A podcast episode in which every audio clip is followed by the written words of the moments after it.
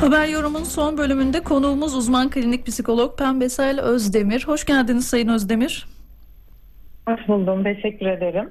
Şimdi sizinle yine çok önemli bir konu üzerinde konuşacağız. Deprem travmasına dair. Öğreniyoruz ki burada bir beş evre varmış. Hemen bu beş evreyi tanıyalım mı Pembesel Hanım? Nedir? Neyle başlıyor? Nereye doğru gidiyor? Buradaki risk ölçeği e, bize açıklamanızı isteyeceğiz.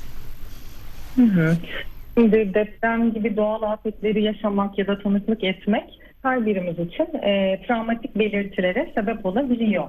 E, burada e, travma sonrası yası el aldığımızda çünkü hem bireysel düzlemde hem de toplumsal düzlemde bir yas sürecinden geçiyoruz. E, Elizabeth Kübler-Ross e, yası 5 aşamada tanımlıyor. İnkar, öfke, pazarlık, depresyon ve kabul aşaması olarak. Şimdi inkar aşamasında kişi yaşadığı durumu e, inkar etme eğiliminde oluyor. Hı. Adeta beklenmedik ve ani gelişen duruma şok tepkisi veriyor ve yaşanılan acı verici deneyimden ve gerçeklikten kaçınmaya başlıyor. Hem düşünsel hem de davranışsal boyutta. Bu doğru olamaz, böyle bir şey benim başıma gelemez gibi cümlelerle inkar eğilimine gidiyoruz. Diğer aşamada ise öfke aşamasında kişi e, yaşadığı deneyimi görme ve deneyime karşı büyük öfke duymaya başlıyor. Kendisine niye bu benim başıma geldi şeklinde sorular yöneltiyor. Yaşanılan acı verici deneyimden sonra öfke olağan ve sağlıklı bir duygu ve burada acıyla baş etmemize eşlik ediyor. Bir diğer aşama ise pazarlık aşaması. Burada ölüm karşısında alınan iyi tavırla ölümü geciktirme çabasına giriyoruz. E, adaklar adamak, önlemler almak, e, eğer bu önlemi yaparsam her şey yoluna girecek gibi bir algıda olmak pazarlık aşaması ile ilgili bir süreç oluyor. Depresyon aşamasında ise kişi inkar ve öfkenin yerini artık gerçekle yüzleşmeye bırakıyor. Ee, yaşanılan kayıp sebebiyle artık hiçbir şeyin eskisi gibi olamayacağını, tekrar o eski zamana dönemeyeceğini görmeye başlıyor. Kayıp gerçeğini hayatına alıyor ve büyük bir mutsuzluk, karamsarlık, isteksizlik, enerjide azalma, ilgisini kaybetme e, gibi duyguları yaşamaya başlıyor. Tabii buna suçluluk, pişmanlık, çaresizlik gibi duygular da eşlik ediyor. Bu aşamada mesleki ve sosyal işlevsellik zayıflıyor. Ee, çevresindeki kişilerle iletişime girmekten kaçınıyor. Gittikçe içe kapanıyor ve uyku, iştah gibi problemler görülebiliyor. Hı hı. Bir diğer aşama ise kabul aşaması. Bu aşamada kişi e, yaşantıyı kabul etmeye ve geleceğe yönelmeye başlıyor. Yani ölümün yaşamın bir parçası olduğunu kabul ediyor. Ne kadar pazarlık etse de kaybın geri gelmeyeceğini görüyor. Eski yaşantısı geri gelmese de yaşamın aktığını ve hayata dönmesi gerektiğini görüyor. Kabul aşaması önemli bir aşama bizim için. Çünkü gücü ve kontrolü yeniden ele almamıza yardım eden bir e, aşama. Şimdi zamanla biz e, bu bahsettiğim tepkilerin, şiddetin azalmasını bekleriz.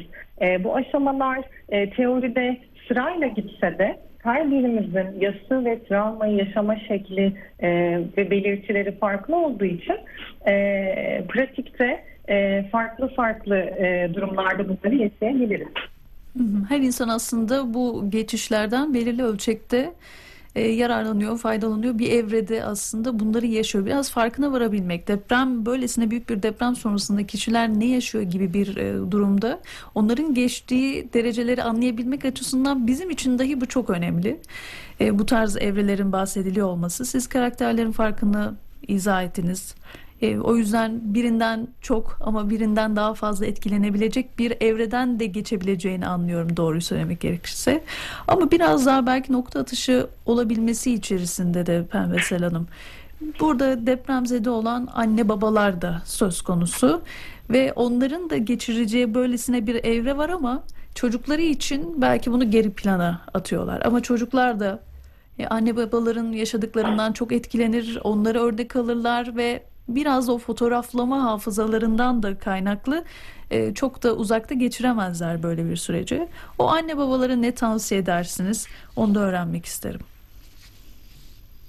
Ee, Şimdi yaz e, bizim yaşamamız gereken sağlıklı bir süreç. Ama eğer bahsettiğiniz gibi bu yaz yaşanmıyorsa önümüze iki kavram çıkıyor. Biri tanınmayan yaz dediğimiz tam da sizin bahsettiğiniz gibi. Diğeri de uzamış yaz dediğimiz kısım. Biraz bu tanınmayan yaz kısmını açmak istiyorum. Kişi hayatta kalmanın suçluluğu ve utancıyla yasını açıkça tutamamaya başlıyor veya bu yası tutması e, çevresindekiler veya toplum tarafından hak görülmemeye başlıyor. Böylece de kişi artık yasını yok saymaya veya hafife alma eğiliminde oluyor. E, bu durumda sağlıklı bir yastan söz etmemiz mümkün olmuyor.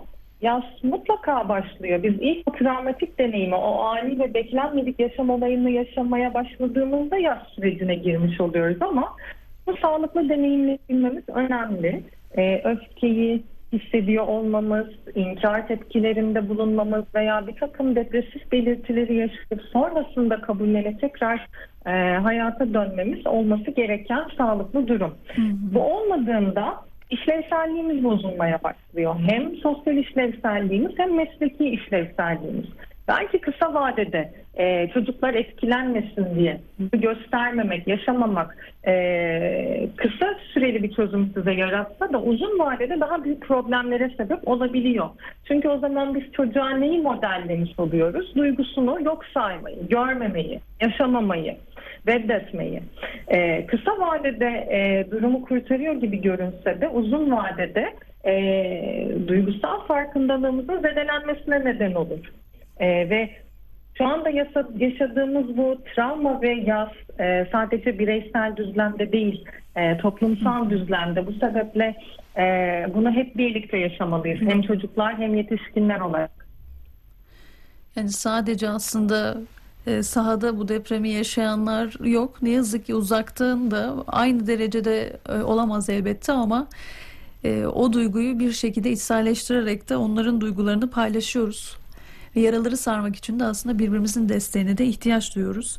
Bu yüzden de bu deprem travmasının evrelerini anlayabilmek de bizler için belki önem arz ediyordu. Pembesel Hanım çok teşekkür ederiz sizlere de e, aktardıklarınız için.